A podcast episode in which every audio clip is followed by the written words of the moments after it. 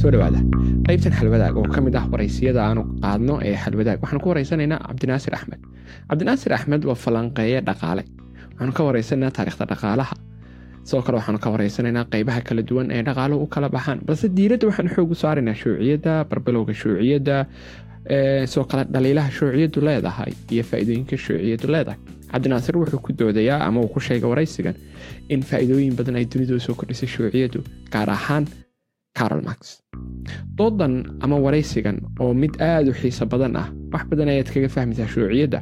Sidoo kale cabdinaasir wuxuu sheegayaa shuuciyaddu inaanay dhammaanin. Dooda shuuciyadduna aanay ahayn mid dhammaatay. Balse shuuciyaddu isqaabaysay ama wax ka bedel gudaheeda ku samaysay. Dhaliilihii jirayna wax laga bedelay taasoo keenaysa su'aalo badan in hantigoosadka dib loogu celiyo oo ah hantigoosadku isagu ma yahay xalka ama shuuciyadda ama hantiwadaagga laftigooda xalka ma yahay waraysigani waa waraysi aada u xiiso badan. Waxaanu ka mid yahay wax soo saarada iyo galeel. Dhegayso wacan maanta waxaan ka wada sheekaysanaa dhaqaalaha gaar ahaan shuuciyadda ayaynu saaraynaa diiradda. Shuuciyaddu waa mid leh taariikh dheer by the way anu halkan man ka arka aduu halkaabaad iga aragta marka haddii aad aragtiin anu halkan eegayaa fahma kamaradu aniga halkan baan ka arkaya cabdinaasir so cabdinaasir waxaan rabaa inaan su'aalo badan horta maanta ku weydiiyo. Marka su'aalahaygu waan iska su'aalo badan waxaan rajeynaya inaad ii samirtid. Waxaan rabaa horta inaan fahmo waa maxay dhaqaaluhu? Ha waa maxay dhaqaaluhu? Ka taariikh ahaan iyo ka fikir ahaan iyo ka qaxitaan ahaan. Bal si yaroo tifatiran noogu sharax dhaqaalaha iyo wuxuu yahay asalaamu calaykum waraxmatullah ismaaciil cali aad u mahadsan tahay waa ku faraxsanahay inaan maanta ka soo qayb galo programkan aad qabanaysid ku saabsan guud ahaan dhaqaalaha khaasatan xooga saaraya hanti wadaaga guud ahaan dhaqaaluhu waxa weeye aragti guun ah oo nolosha dadkeeda ka hadlaysa cilmiyan laakiinse haddii la israado ama ku sifeeya sida ugu fudud in yani la barto ama wax laga ogaado sida wax loo soo saaro sida waxa loo soo saaro loo qaybiyo iyo sida khayraadka oo kooban iyo baahida dadka oo badan laysku waafajiyo dhaqaaluhu maaha wax iminka adduunka ku cusub waa wax kumanaan sano jiray xilligii babilonka xiliyadii ka dambeeyeyba oo lahaa nidaam maaliyadyada qoran lahaa qoraal qoran lahaa hanaan la raacayey oo ilbaxnimooyinka adduunka ku jiray oo dhan ay ku soo dhaqmayeen mana aha wax la oran karo ciddaas baa iska leh waa wax ilbaxnimo biniaadamku gaadhay oo markii laga soo baxay ugaarsiga markii laga soo baxay qaabkii loo noolaayay kelikilida ahaa bulshadu ay u timi iyadoo mid ah ay collectively isugu timi dabeetana yeelatay hanaan ay wax ku soo saarto waxa ay ku soo saarayso ku qaybiso. Si guud haddii looga hadlo bariga dhexe iyo shiinaha baa ka mid ahaa meelihii ugu horeeyey adduunka xadaaradda dhaqaalaha laga saaro. Haddana marka waxaasoo dhan laga soo gudbo dunidu waxay soo martay casriyo kala duwan. Casriyihii beere soo martay casriyihii warshadaha soo martay. Xilliga aadka dhaqaalahan casriga iminka la isticmaala oo u soo baxay xiliyadan dambe bay ahaayeen filosofaradii ugu muhiimsanaa ee adduunka dhaqaalahan iminka aynu ku dhaqanno ee nidaamkiisa raacno sameeyey qarnigii afariyo tobnaad waxaa ugu horeeyey filosofarkii reer tunisia ibn khalduun oo ka hadlay qaabka shaqadu u kala qaybsamayso. Berigii hore waxay jirtay shaqada hal qof baa halka ugu horeysa ilaa halka ugu dambeysa qaban jiray oo waxa aad tusaalaha loo soo qaato findhicilka oo kale ama irbada oo kale haddii irbada la soo saarayo ama findhicil la soo saarayo tusaalahaan findhicilka qori baa laga soo saaraa. Qorigii ma birtii maadaa soo saaraya jaraysay kadib geedkii maadaa goynaya kadib maadigaa soofaynaya kadib maadigaa intii dambe u saaray. Ama birta oo kale haddii irbad la soo saarayo kale ma hal qof baa halka ugu horeysa ka soo bilaabaya oo ah shiilidii birta bir samayntii ilaa ka irbadda. La sameynaya division of labor oo shaqadii baa lakala sarsaaraya marka dhaqaalaha casriga wuxuu ka hadlaya waxa weeye in shaqada lakala sarsaaro marka qofkii ugu horeeyey ee aragtida la wuxuu ahaa ibnu khaldoon qofkii ugu horeeyey ee la in ganacsiga laga raadiyo faa'iido macaasha oo dhaqaal ahaan dalko dhan uu ku dhisan yahay qofkii ugu horeeyey ka fikira waxaa loo yamaado loo yaqaano international trade oo ah ganacsigu inuu wadan ilaa wadan kala gudbo oo aanu in kooban ku koobnaan oo xuduuduhu isu furnaadaan oo dadka kale qowmiyadaha kala diimaha kala aragtiyaha ay kala macaashi karaan oo qoray oo nidaam falsafadeed oo la raaci karo oo dhamaystiran sameeyey ahaa haddana adduunka waxaa xadaaradiisa qabsaday xadaaradda reer galbeedka oo casrigii warshadaha aada u hana qaaday qarnigii sideed toonaad marka haddana aabaha dhaqaalaha waxay ugu magacdireen adam smith oo markuu qoray buuggiis leedo the wealth of nations oo qaniimidaha qaramadu leeyihiina marka xilligaasa haddana uu ibafurkan aynu raacno ee cilmiga dhaqaalaha tixraaciisu uu aasaas u yahay. Haddana waxa dhaqaalaha qura kuma koobna inuu wax kale kala iibsado. Waxaa dhaqaalaha soo galay aragtiyo xisaaba ku dhisan aragtiyo statistics ku dhisan oo ay dhaqaalayahano kala waaweyn wax ku darsadeen sida alfred marshad oo kale. Haddana waxa yimi dhaqaalihii laftirkiisa in lagu kala aragti doonaaday sidee wax loo soo saaraya ayaa wax soo saaraya maxaa wax loo soo saaraya qaabkee loo qaybinaya qaabkee baa wax looga faa'iidaya ma dowladda maamulaysa ma cid kala maamulaysa ma dadka maamulaya ina qarnigii labaatanaad ka hor intaan la gaarin qarnigii sagaali tobnaad dhammaadkiisii carol marx oo kale baa iyana ka mid ahaa thomas malthus oo kale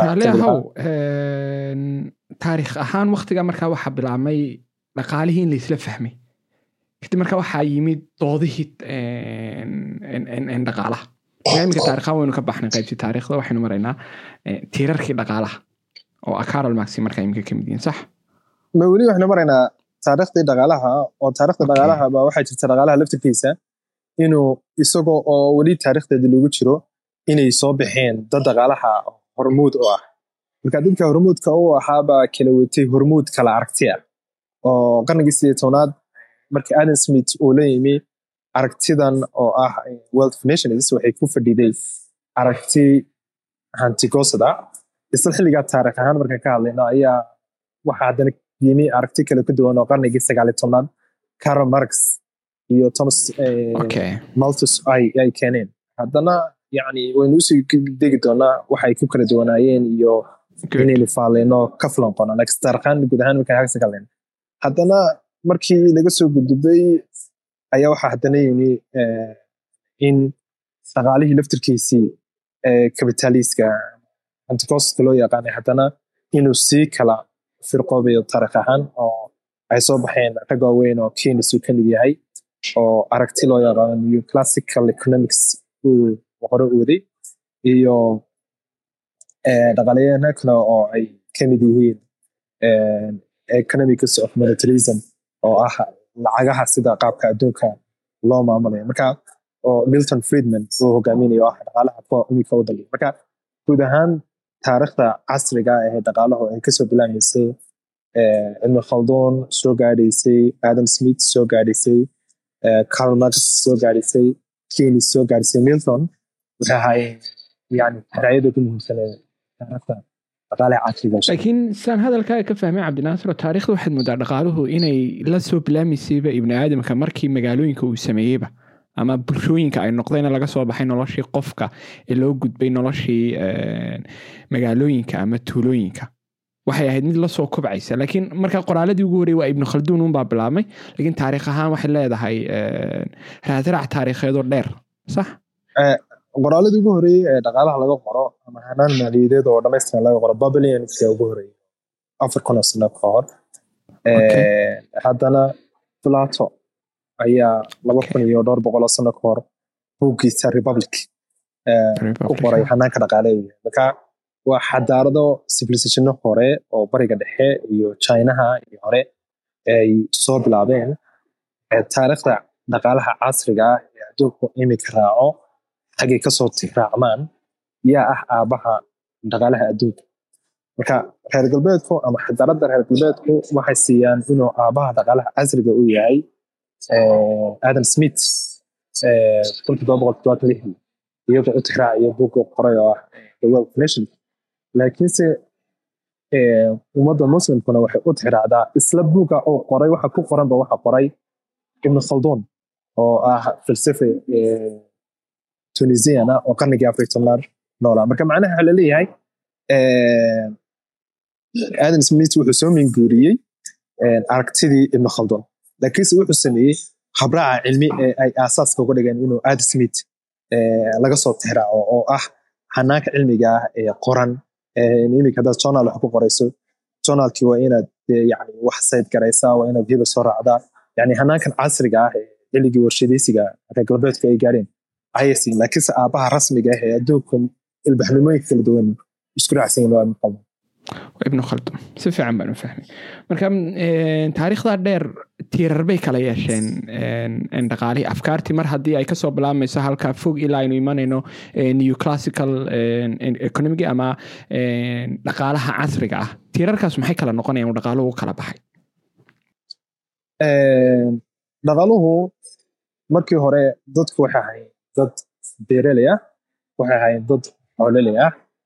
Marka feudal times dadku markaa wax weyn oo ay isugu iman karaan oo dhaqaale u samayn karaan may jirin? Laakiinse xilliga adam smith uu sameeyey buuggiisa uu qoray wuxuu abuuray aragti uu leeyahay faire oo ah ganacsigu inuuna xuduud lahayn.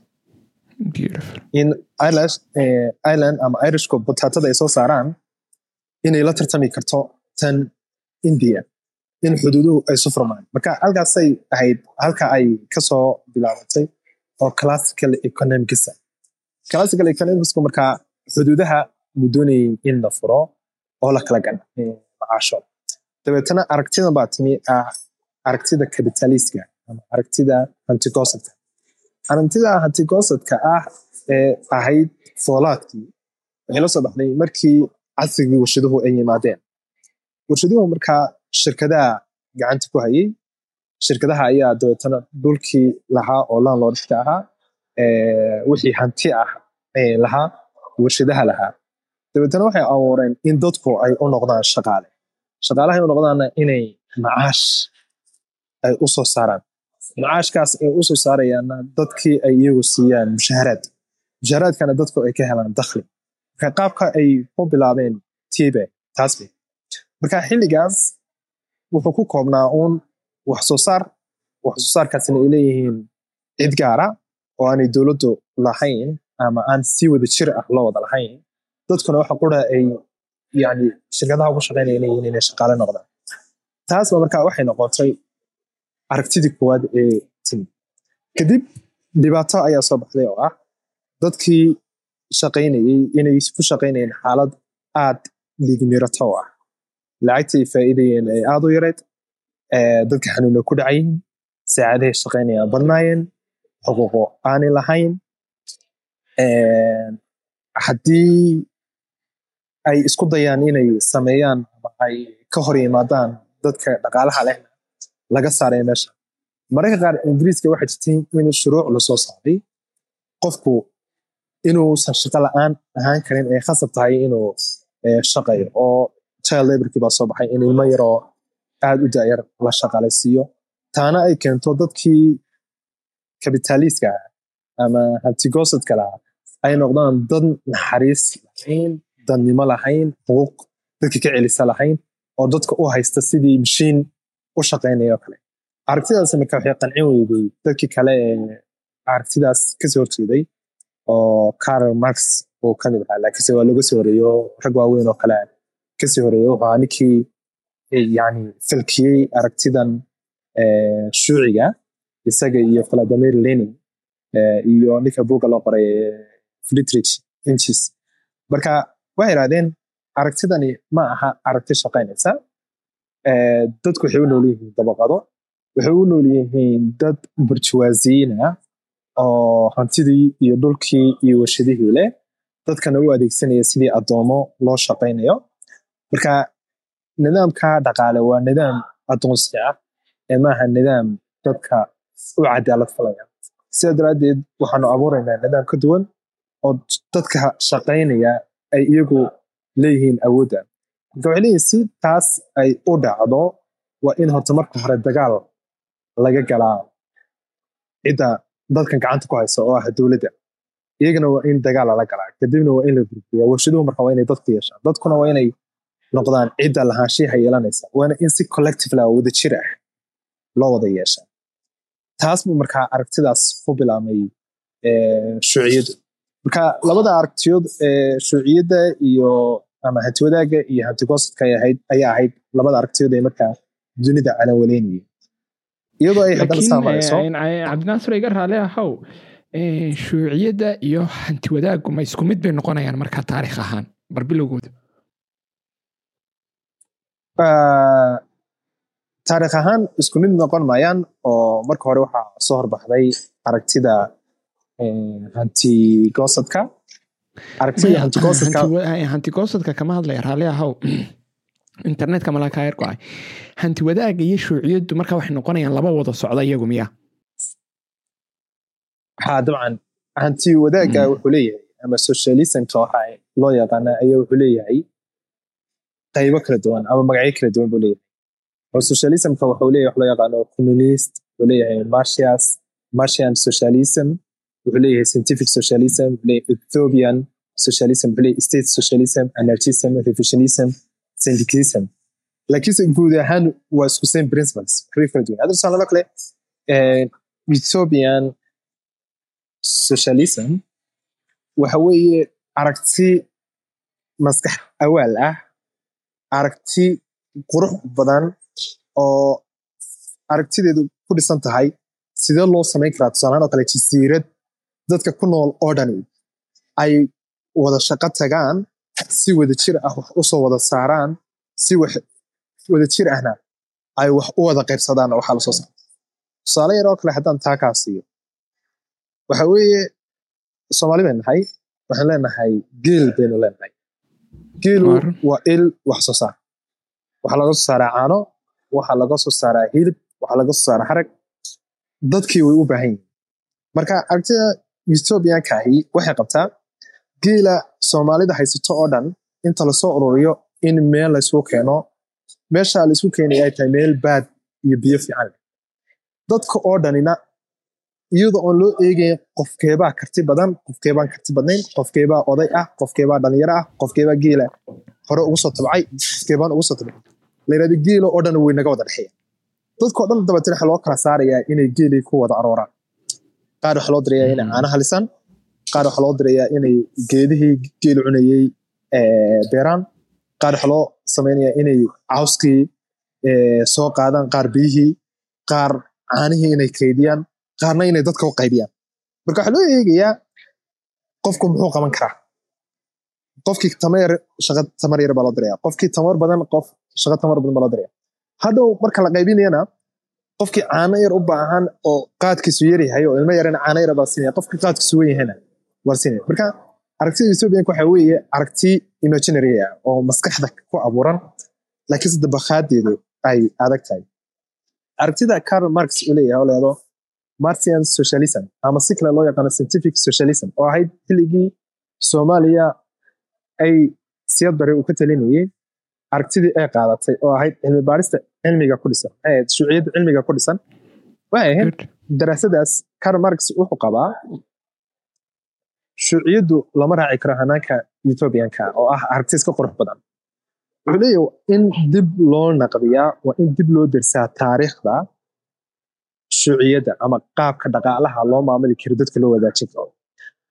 Kadibna waa in la eegaa maxaa shaqayn kara cilmiyan laskama oran karo dadkao dhan hawaa wada wadaagaan dadkao dhan waxa wada yeeshaan? Marka isagu wuxuu ka eegayaa xanaan cilmiyan ah oo lagu saadaalin karo aragtida dhaqaale ee bulshadu hadhowto ay noloshooda ku dabaqayso ay wax u wada wadaagayso. Isagu marka wuxuu kala sameeyahay waxaas oo dhan. Waa hal mid. Wax soo saarka oo dhan si collectively ah si wada jir ah baa loo yeelanaya cid baa maamulaysa oo ah yani tusaale kale dowlad shuuci oo maamulaysa dhaqaaqooda. Ama ilaha wax soo saarka ilaha wax soo saarka maxaa ka mid ah? Warshadihii. Waxaa ka mid ah? Beerihii. Haddii tusaalehaan oo kale dalku xataa uu shidaal soo saaro wixii kasta ee wax soo saar ah ama wixii meesha wax laga soo saarayo dowladda soo saaraya marka cid dhexe baa la doonayaa in la helo oo ah cid yani balangaraysa oo central plan bay leedahay. Ciddaa dhexe baa dabeetana waxay eegaysaa baahida dadku maxay tahay. Haddii la yidhahdo okay dadku oo dhani waxay nahay boqol milyan. Boqol milyan intee cuntaa bay u baahan yihiin? Marka waxay u baahan yihiin bariis intaas oo mitirtan ah waxay u baahan yihiin intaas oo meelood oo ay wax ka bartaan intaasoo caafimaada. Yani dabeetna warshadihii caafimaadka soo saarayay dawooyinka soo saarayay ayuu qoondaynaya leeyahay warshadahaas. Waxaasa soo saaran noocaas soo saaran. Dadku cunto waxaase u baahan yihiin waxaasa soo saaran. Farxadooda iyo baraarahooda waxaase ku xiran yihiin waxaasa soo saaran. Marka cid baa unug maxaa jiraya oo soo saaraya. Dabeetna dadkii baa la mobilize garaynaya si cilmiyeyna oo xisaab ku dhisan oo dabeetna loo kala jihaynaya waa soomaalida waxay ka garanaysaa berigaas. Waxaa jirtay iskaa hudso oo maxaa la oranayay? Dadkao dhan inta la soo saaraa la oranayay si collective baynu u dhisayna dabeetna innagaa wada yeelanayna warshadaha soomaalka soomaaliya tii sonkorta wixii oo dhan waxaa la dowladda. Dadka u shaqaynaya dabeetna dadkaa dib loo qaybinayay kiyuu baa la geli jiray oo raashin baa dadku soo qaadan jiray oo ahaa food stamps marka scientific cilmiga ku dhisan ee Marx u waday waxay ahayd nidaamka noocaas oo ah dadku inay iyagu noqdaan hantiilayaasha maalka wax soo saarka iyo ilaha wax soo saar iyaguna ay cid u igmadaan u qaybisaan. Marka Karl Marx yani qaabkaas oo kale buu aragtida hanti wadaaga. Because kelmadda hantidii baa la wada wadaagaya. Saasay u dhigmeen waa si wanaagsan. Marka taariikhiyan marka shuuciyadu inkastoo ay leedahay taarikh dheero halka damba laakiin waxay ka soo bilaabmaysaa qarnigii sagaaliyo tobnaad ka aragti ahaanoo carol marx ah. Maxaa ka mid ahaa waxyaabaha keenay in dowladdii ugu horeysay abuurmato oo hantigoosadka marka laga tago shaqaalahan iyo dhinacan kale? Qayb may ka ahayd boqortooyooyinkii yurubiyanka waktigaa samaysnaa siyaasiyan in dadku ay u arkaan in boqorka iyo ganacsatadu dhinac ka soo wada jeedaan shuuciyaddu kamay soo bilaabmin qarnigii sagaal tobnaad iyada laftirkeeda laba kun oo sano ka hor dib u noqonaysa oo balaato aragtida uu leeyahay the republic oo qorayo waxa weeye aragti gebi ahaanba hanti wadaaga ma ahayn aragti hanti goosada marka waxaa loo kala eegayaa yani xilliga casriga xilligee bay ka bilaabantay saalanoo kale shuuciyadda xilliga casriga ahi waxay ka bilaabantay yani kacdoonkii ruushka ka dhacay kadibna waxaa ku eegay kacdoonkii jarmalka ka dhacay kuwaas baa markaa abuuray inay yani shuuciyaddan casriga ahi ay timaado ma ahayn laakiinse waxa ay dhawaan okay si fiican baan u fahmay marka taariikhda casriga un baynu ka soo bilaabaynaa carol marx markaynu ka hadlayno so bal in yar aynu yar fahanno bar carol marx laftigiisa communistigan ama shuuciyaddan maxay ku dhisanta isaga katiir ahaan hoosta marka si tifatiran looga hadlo carol marx iyo waxyaabaha isaga ku kalifay inuu buuggiisa the manifest of communist uu qoro baaqa shuuciyadda carol marx wuxuu guud ahaan doonayaa waa manifesto manifesto waxa weeye bandhig dadka loo bandhigayo waxa weeye dadka waxa la tusayo. Marka midda koowaad ee uu dadka tusaya waxa weeye dhibaatada hantigosaska oo bulshada ku hayo. Midna waxa weeye haddii dadku shuuciyad qaataan siday noqonayaan. Wuxuu ku fadhiyaa aragti odhanaysa saynu hore u soo sheegnay dadka sideedaba waxay u shaqeeyaan in yar oo kooban oo u adeegsataa inay iyaga ku shaqaysato. Dadkaasina waxay maamulaan ilaha wax soo saarka waana meesha ugu muhiimsan ee shuuciyad iyo hanti gosad ay ku kala tegayaan hanti wadaag iyo hanti gosad ku kala tegayaan marka wuxuu leeyahay yaa yeelanaya ilaha wax soo saarka yaa warshadaha yeelanaya.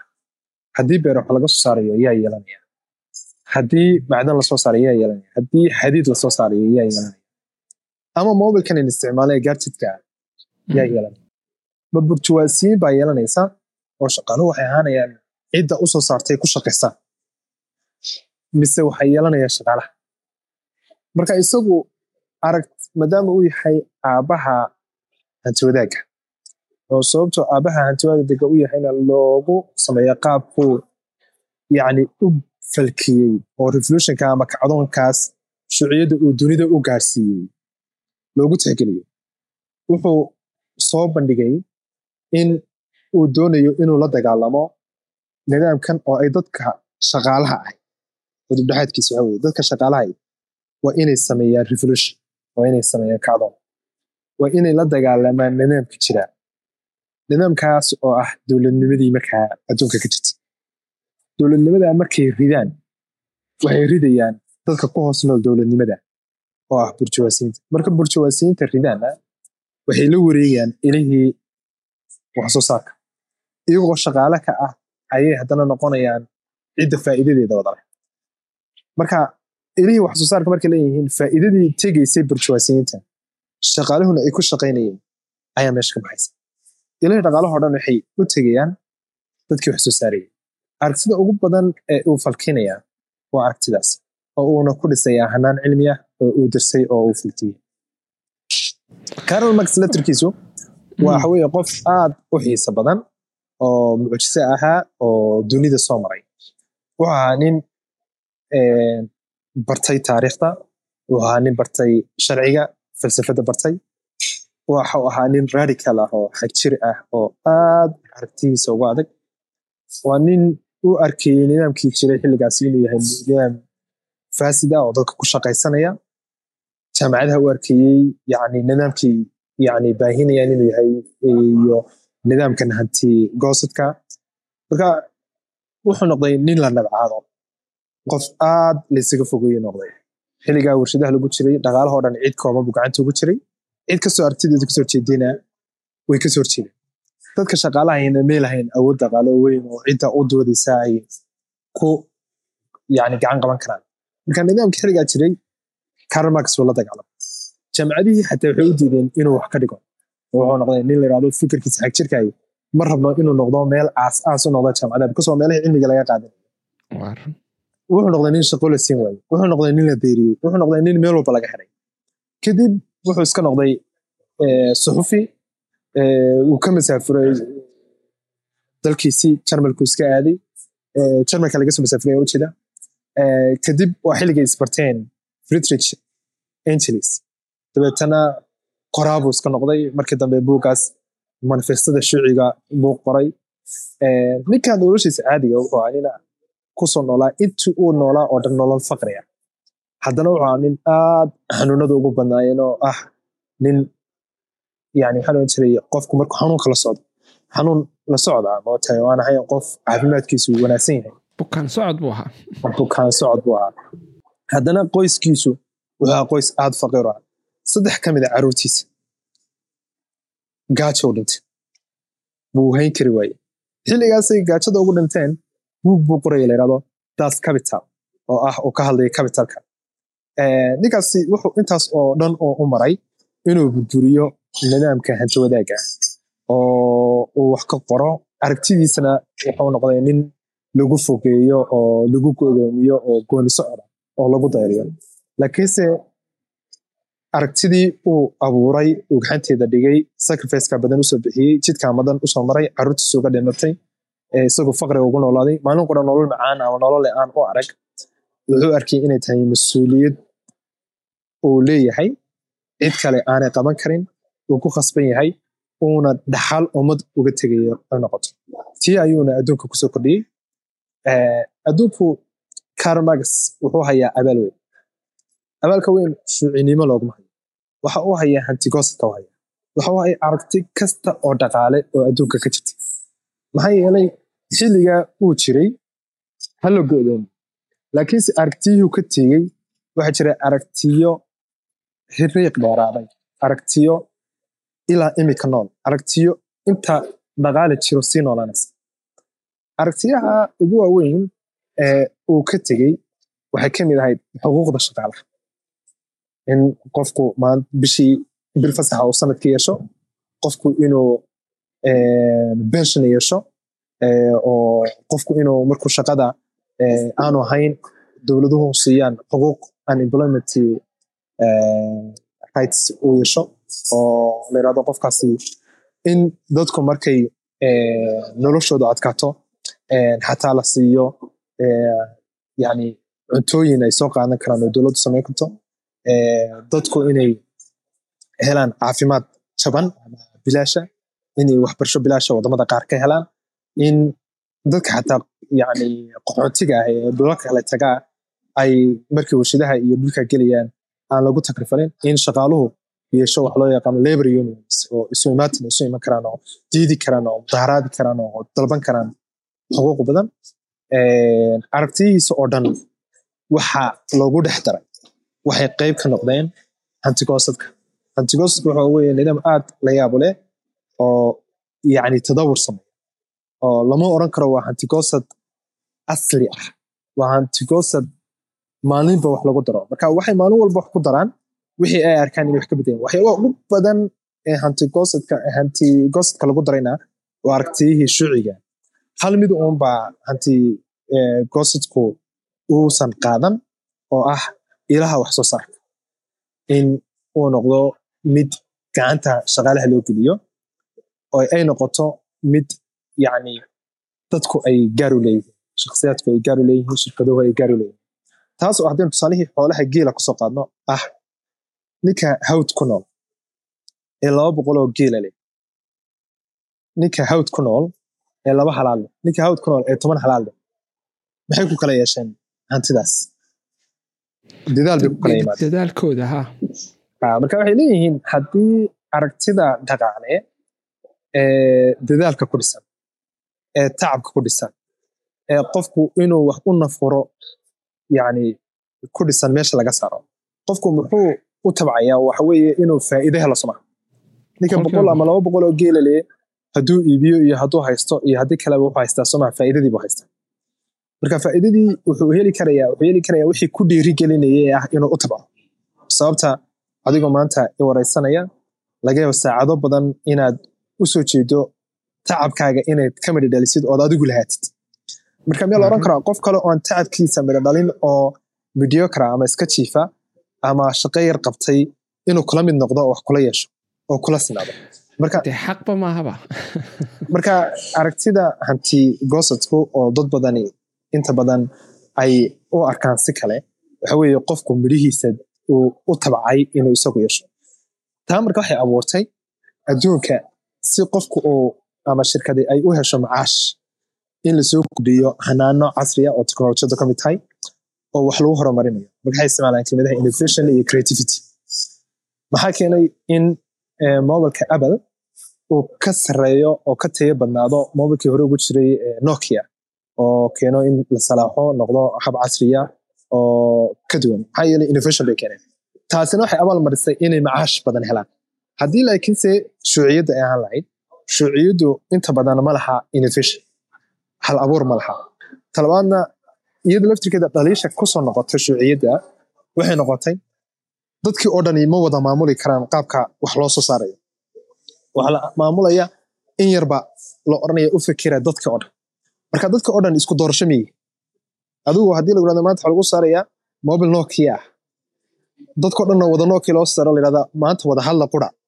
Dee uma baahnid waxaad u baahan tahay doorashooyinka baa kala duwan. Marka yani marka cidi ay samaynayso dadka oo dhan waxay ka soo wada qaadaysaa inay isku wada baahan yihiin. Qof baa yani option ku jecel yahay optionka qofka kala jecel yahay ka duwan. Marka waxyaabaha abuuray inay hana qaadi weydo aragtidii shuucigu waxay ahayd in dadka dooristooda oo dhan inay cid quri maamusho. Iyo inay marka cid quri maamusho oo macaash aanay jirin dadkao dhani aanay ku qancin laakiinse hanti goosadku bilowgiisu u noqdo qof kasta gaargaarkiisa marka waa units. Marka qof baa wax abuuraya gaara qof kalaa la tartamaya tartan baa markaa imanaya. Tartanadaasaa keenaya qofkan inuu wixiisa soo qurxiyo kan kale soo qurxiyo. Marka iyaga abuuraya dadka baahidoodao dhan inay deberaan laakiinse meel sare laga soo deberi maayo. Haddeerta haddaynu ka soo qaadno inagoo tusaalano kale bulsho konton qof ah oo konton qof oo qoys oo kale oo meel weyn ku wada nool haddii quraac isku mid ah arolinoo wada sameeyo iyo haddii shan meeloodoo kala duwani ay quraac kala gaara sameeyaan teebaa doonani.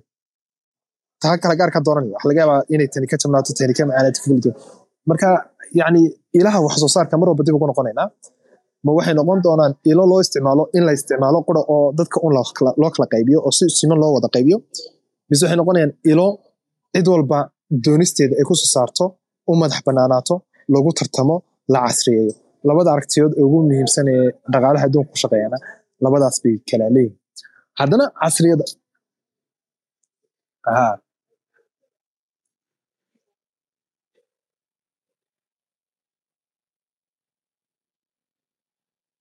ha ha haddana waxaad abuurantay aragti kale oo odhanaysa eh, shuciyadda laftirkeedu casriyan bay u baahantay. Isbedel bay u baahantay looma baahna in laga tago? Maxaa yeelay waxay leeyihiin qaniimadda adduunka taal. In yar oo kooban baa imikana dunida gacanta ku haysa. Dadkii iyagoo dadaalaya haddana qaniimadii dib ugu noqon mayso. Waxaad tusaalaanoo kale amazon jeff bezos baa leh. Intii koronuhu dhacay hantida uu taajiray ama elon musk oo telsa iyo leh dunida kale dadka shaqaalaha oo dhan weligood ma faa'iidi doonaan marka dunidu maxay u shaqayn doontaa? Warren buffett bay u shaqayn doontaa? Ma elon musk bay u doontaa? Ma jeff bezos bay u doontaa? Ma alibaba bay u shaqayn tiimka noocaasay u shaqayn doontaa? Mise waxaynu helaynaa adduun dadka shaqaynaya ee tabcaya aysan ku dhibaatoon inay guri helaan aanay ku dhibaatoon inay carruurtooda iskuul geeyaan aanay ku dhibaatoon inay noloshoodii oo dhan u shaqeeyaan. eh, sidii ay markay retirementka noqdaan ay u sii noolaan lahaayeen. Adduunyo badhaadhaheeda dadka loo wada qaybiyaa ma jiraysa. Adduunyo dadku ku wada noolaadaan si cadaalada marka waxaa soo baxay wax loo yaqaano social eh, eh, democrats oo ah eh, aragti Bernie Sanders Maraykanka uu hormuud u yahay. Laakiinse wadamo badan oo Scandinavianka ay ku dhaqmaan oo ay ka mid tahay Denmark ka mid tahay Finland ka mid tahay Norway ka mid tahay?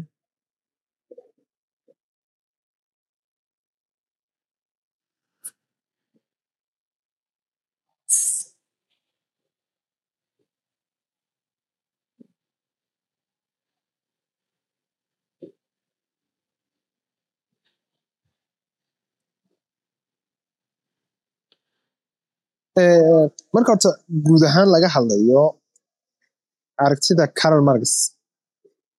Waxay ahayd manifesto. Ma ahayn nidaam qoran oo dowlad walba ay sideeda u qaadanayso. Waxaa la eegayay wadanku intee in la eg buu shuuciyadda ugu fog yahay? Intee in la eg buu uga fog yahay? Intee in la eg baanu shuuci ba ahayn marka taariikh ahaan ruushku wuxuu ahaa wadamadii shuuciyadda halka ugu saraysay ka qaatay.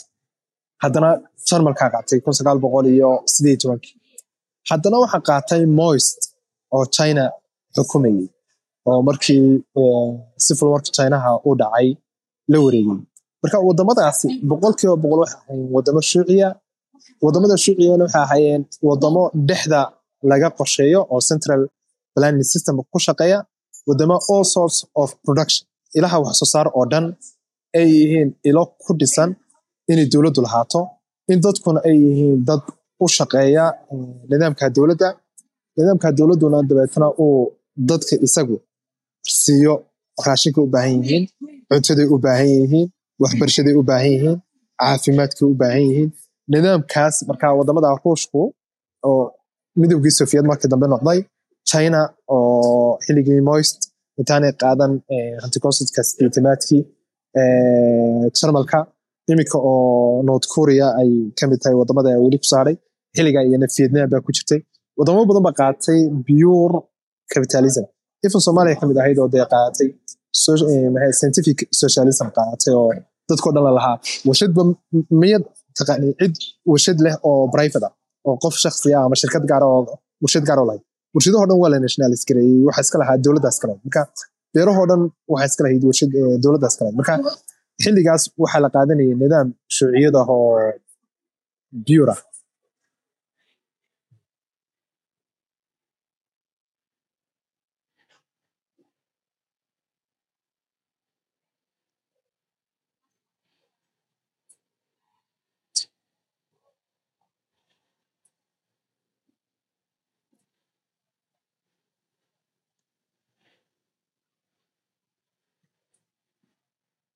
ahaa dabcan.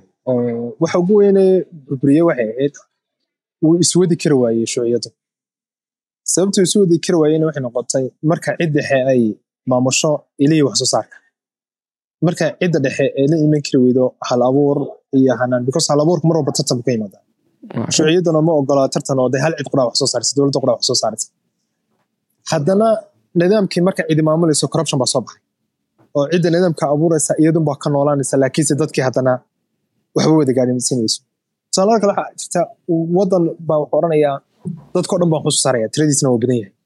Cidda wax soo saaraysaa baahida dadka dhab ahaan uma ogaa waxay soo saartaa mararka qaar kuma filanayaan mararka qaar dadkii ma qancinayaan. Dadkiina kuma baraarayaan marka maxaa keentay?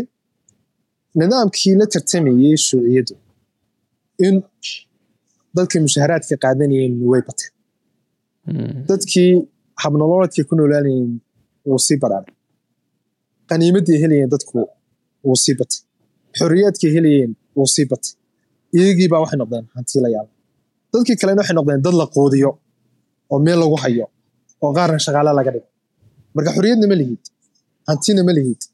Taabaa marka waxay soo dedejisay in laga soo guuro hanaankii shuuciyadda markii shuucigu burburiyey sovietka waxa aad la yaabka u leh in waddanka maraykanka oo ama waddamada reer galbeedka horkacayey hantigosadku ay raashin bariisku uu ka mid yahay qamadigu ka mid yahay ay deequ siinayeen sovietka oo uu gaajoonayeyba halka iyagu ay badhaadhe iyo nolol iyo wax soo saarkoodu waa wax soo saar aad u hanaqaad waxa yacni tusaale u ahayd ama imika tusaale u ah north korea iyo south korea midna waxay ku nooshaan nololaha adduunka bini'aadamku raadsado kuwa ugu quruxda badan.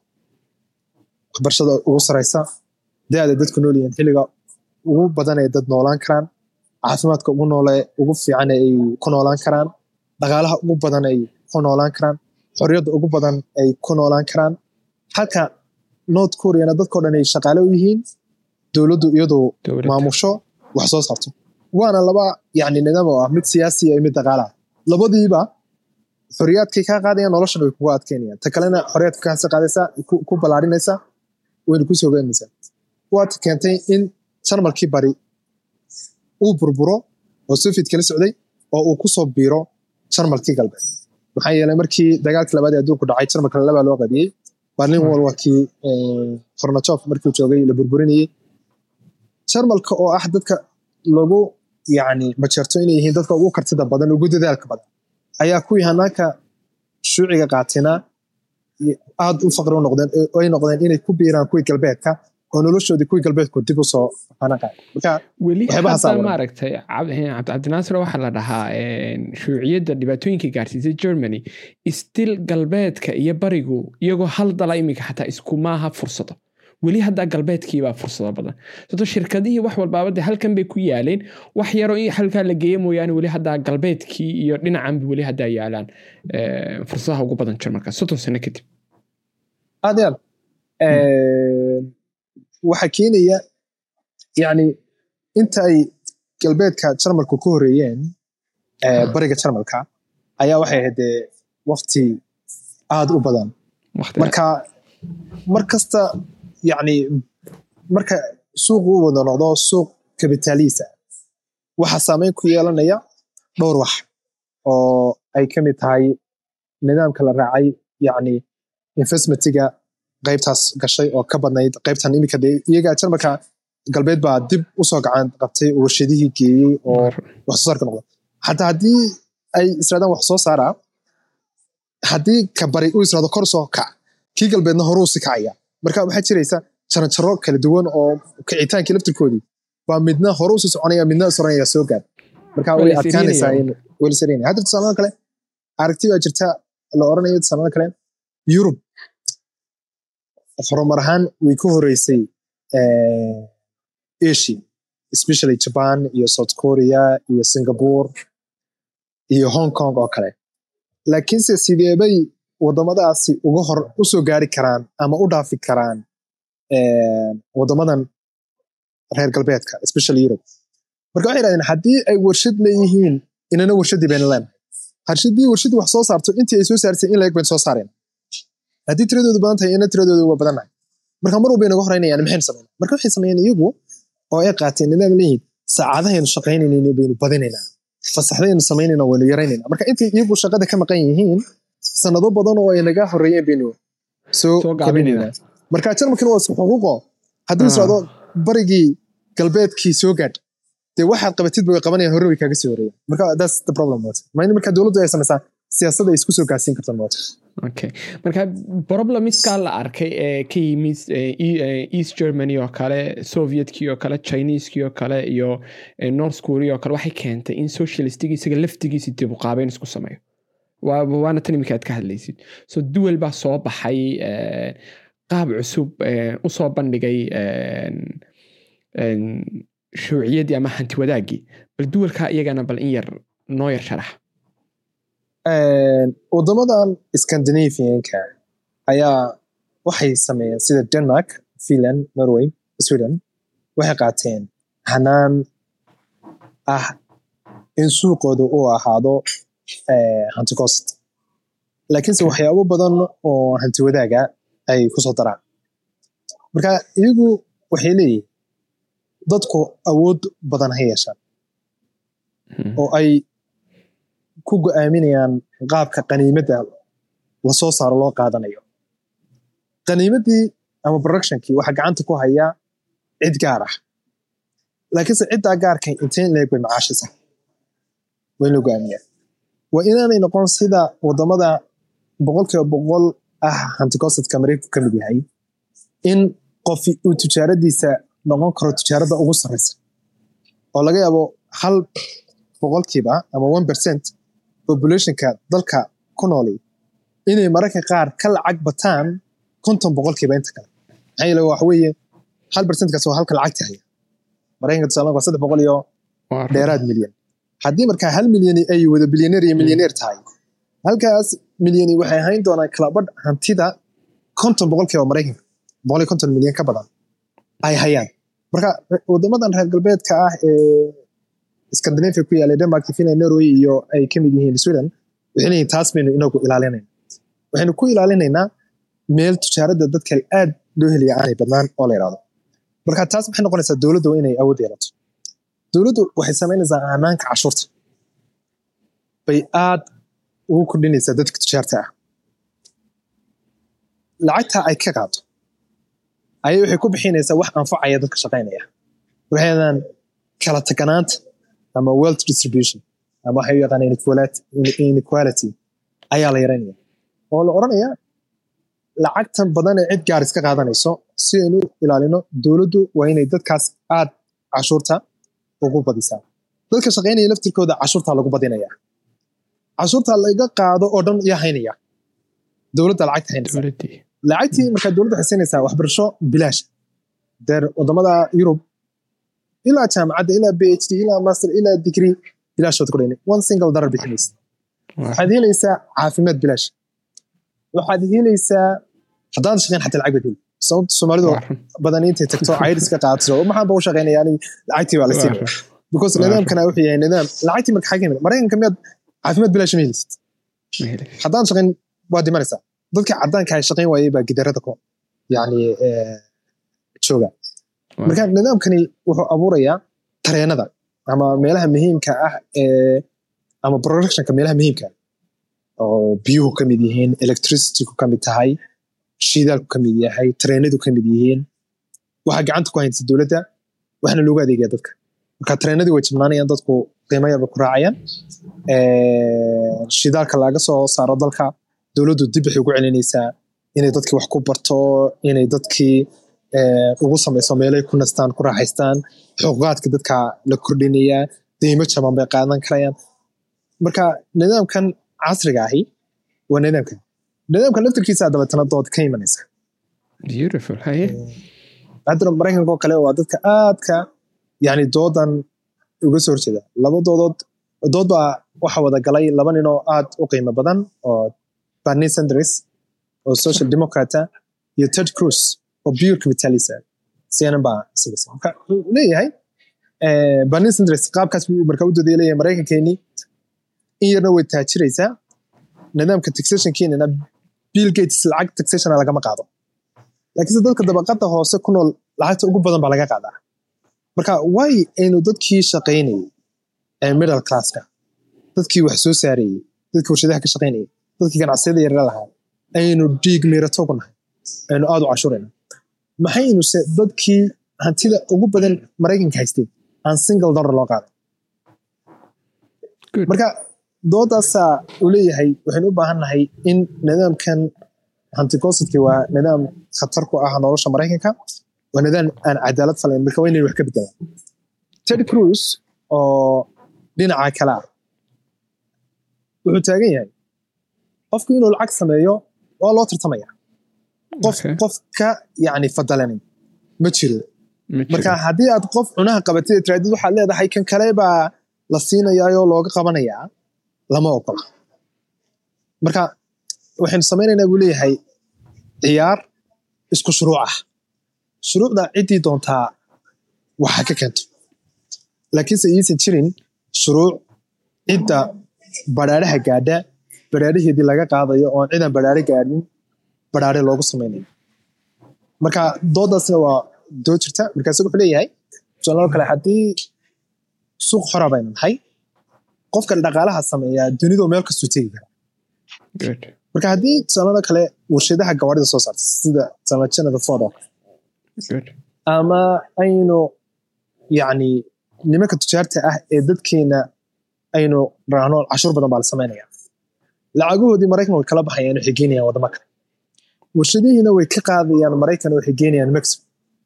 Ama canada geynayaan mexico shaqada lagu shaqeeyaa way yar tahay few dollars baa lagu shaqeeyaa saacad. Maraykankana minimum wage waa eleven meelaha qaarna waa fifteen dollars. Marka haddii ay meelaha tagaan waxaa ka faa'iidaysanaya wadamo kale because at the end of the day apple oo kale adduunka o dhan buu u soo saaraa somaha mobilada casriga run. haddana lacagtiisa oo dhan xagga taala. Maraykanka. Maraykanka. marka lacagtii uu dunida ka soo dhacay oo dhan haddii ka soo qaatay oo dhan haddii nano inuu cashuur badan saarno dee ingiriisku isaga guraya. Waana cashuurayn dalka. Ama wadan Waa. la yiraahdo leh waxba ku cashura mayno. Wuxuu ku leeyahay Waa. mar kastoo aynu maraykanka ku hayno dadka tujaarta ah warshadihii bay ka samaynayaan maraykanka. Waxay ka samaynayaan in dabeetana dabaqadihii dhexe ay u shaqeeyaan. Marka dhaqaalihiin waxay ku jirta marka waa aragti eh, iyadu laftirkeedu sii falkamayso oo eh, noqonaysa yacni hanaanka dhaqaalaha ee dalku waxaad moodaa inay dood adag haystaan. Dood Ha, caqligalay labaduba haystaan. Ha marka waxaa go'aaminaya nidaamka taxationka ee la qaada Mm. taxka dowladda la qaadaa ujeedada loo qaadaa maxay tahay marka aragtidii ugu horreysay ee ahayd cashuur in loo qaadaa waxay ku soo baxday maadaama dadku sii wada jira u yimaadeen oo ay samaysteen nidaam ilaaliya iyaga u cadaalad fala because haddaan anigu madaxa dhagax kaaga dhufto Mm. waad u dabcdin dhagax inaad igu dhufatid oo iga goysatid waxaa abuurmaya mushkilad dadka o dhan qofo qof israadi ka cadaalad falo. Marka cadaalad siman looma sameeyo marka Waaw. dowladnimada loo samaystay cid dhexe inay u samayso. Marka cidda dhexe ee samaynaysa haddii layna soo weeraranayo inay difaacaysa waddooyinka waxaynu u baahannahay inoo samaynaysa in loo sameeyo wax loo yaqaano maintenance lacagay ku shaqayso marka lacagtaas waxay leeyihiin dadka welibana ku dooda aragti kaloo loo yaqaano libertarian oo ah aragtida yani capitalist ku fadhido. Wixaynu dowladnimada u samaysanay cashuurta u samaysanay ma ahayn qof aan shaqaysanayno berisis ka siino ama jaacad ka bixino ee waxay ahayd inuu dowladda uun dowladda ugu yar ee inoo karta layna difaacee qofna yaan qaniimadiisa iyo wuxuu ku falayo iyo siduu u samaysanayo iyo qof kale badhaadhihiisa yaasan laga shaqayn qole waxay leeyihiin war dadku haddii aan iyaga la wax siin khatar waxay ku noqonayaan inaynu run. waxay khatar ku noqonayaa dagaal baa dhici doona burbur baa dhici doona marka si aan waxaasoo dhan aanay u dhicin waa inaynu abuurnaa nidaam aynu dadkii qaniimadii wax ku wada gaarsiinayno isku wada gaarsiinayno marka nidaamkan social democratic wuxuu xooga saarayaa in ilaha muhiimka ah ay dowladdu eh, gacanta ku hayso sida tareenada electricityga. Marka dadka electricity jaban bay helayaan waxbarashada dadku inay lacag jaban wax ku baran karaan ama bilaash ku baran karaan in caafimaad la heli karo. Oo sababta marka democratisku maraykanka oo kale ugu ila janjeedaa inuu in yar socialismka ku dhow yahay oo obamacare. Eh, dad aad u badan buu boqolaal milyan buu u sameeyey obamacare oo dadku ay heli karaan insurance caafimaad. Halka trump oo kale oo republicana uu leeyahay caafimaadka waa in loo shaqaysta adigu xili baad awood leedahay dhaqaale leedahay lacag samayso lacagtaadaas insurance ku kale insurancekaaga waxaa kaa bixiyo marka is generically si guudna haddii loo eego waa dood weyn oo adduunka ka jirta waana dood saxan oo mid walba la tuuri karin mid walba wax ku wanaagsan tahay. Laakiinse waxaa meesha ka baxday hantigoosadkii qalalnaa oo adduunka anfici waayey oo la casriyeeyey oo wax badan ka soo qaatay shuuciyaddii iyo shuuciyaddii oo casriyeynaysa oo wadamo badan ku baraareen oo waddamada yurub ka mid yihiin oo dadkao dhan ku nool yihiin nolol sharaf leh. Laakiinse yurub miyaad aragtay dad tujaar oo bilyaneera especially waddamada scandinaviga maad arkaysid. Marka hanaanadaasi waa hanaano hidimi waa hanaano ku dhex hidimi doona aaga dhaqaalaha adduunka. Iminka waxaan xasuustay sheekada iminka aad ka sheekeynaysa sweden iyo dhinaca dhowaan waxaa noo yimid oday baa sweden ka yimid. Marka turkigan joogaa gaari buu arkay turkiga dhexya dhowr jeer buu arkay gaarigii soo noqnoqonaya marka waa gaari qaaliya ereyadaanu joognayna waxa weeyaan ereyooyinkan ay degaan dadyoga waxayste turkida ah. Dan gaariga wuxuu yiri dhowr xabaa ka yaalla sweden oo dhan halkanna de intaasoo jeer buu iga soo horbaxay marka markaa ma fahmin oo iskuma xidhin laakiin iminka macna samaynaysaa de sababta dowladdii cashuur badan markay ka qaada qofkii ma iibsan kara gawaadhidan iyo waxan badan ee maalayacniga aan lesaanu marka hore isagu wax badan aanu shaqaysan. Mustaqbal kale iwad raaliha dhex galay su'aal kalena soo socday soo commenti baa soo waday iwad. Waxay yidhaahdaan egalitarian system.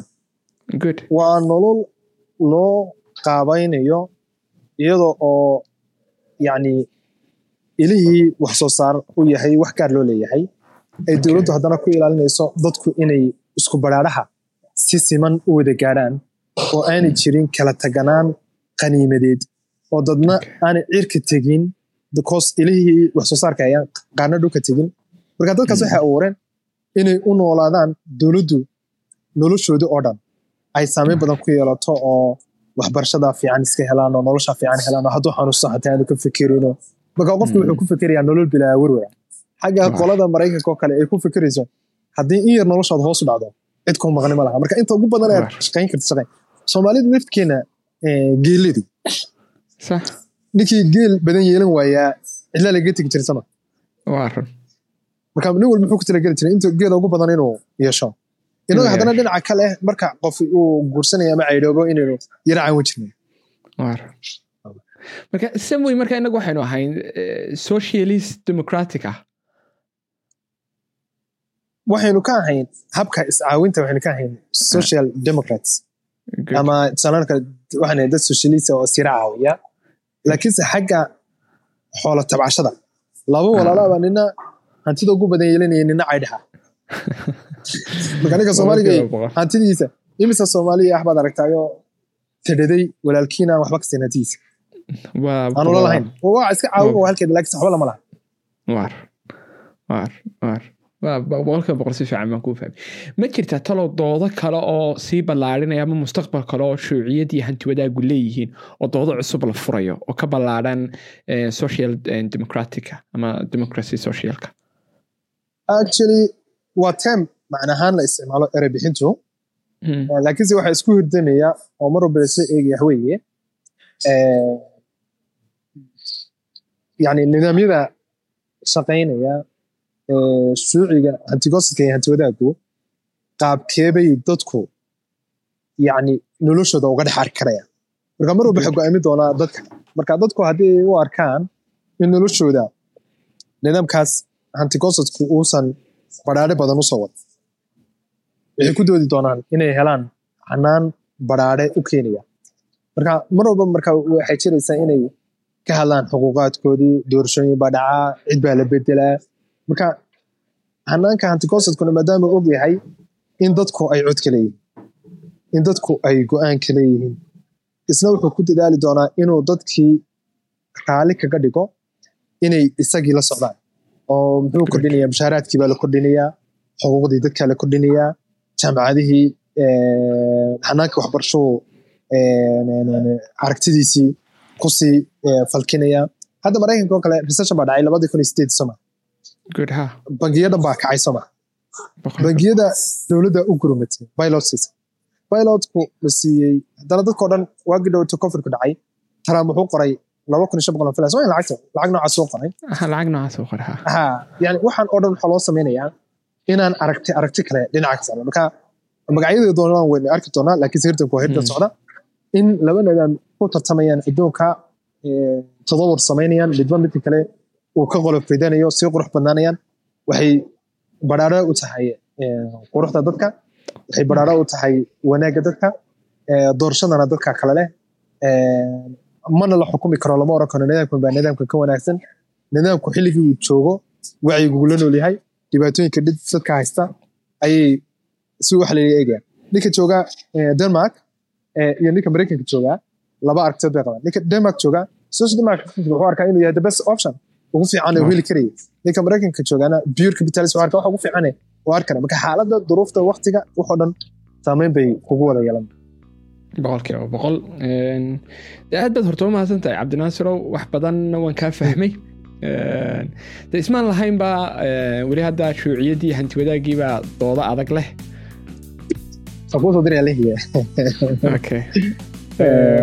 Aad baad umahadsantahay walaalo. Ismaan lahayn ba weli hadda shuuciyaddii dooda adag bay leedahay. Aad baad ugu mahadsantahay waraysigaaga. Waa iskada maxaa la odhan jiray? Maxaa la odhan jiray? Dolokafuule insha allah laakiin waxaan rajeynaya insha allah inay ugu yaraan wax yarna ha ahaatee wuxuun inay laga yaraa bidhaamiyo un ama ciddii daawataay ha waxuun aragti un qaybun wax uga baxdo. Aniga wax badan baa horta iga baxay. Dhegeystayaashana saasoo kale aan rajeynayaa aad baad umahadsanta walaalo. Dhegeystayaashana waanu mahad celinaynaa hadday jiraan qodobyo aad jeclaan lahayd inaanu dadyow ku takhasusay waraysanno faalada hoose noogu reeb mahadsanid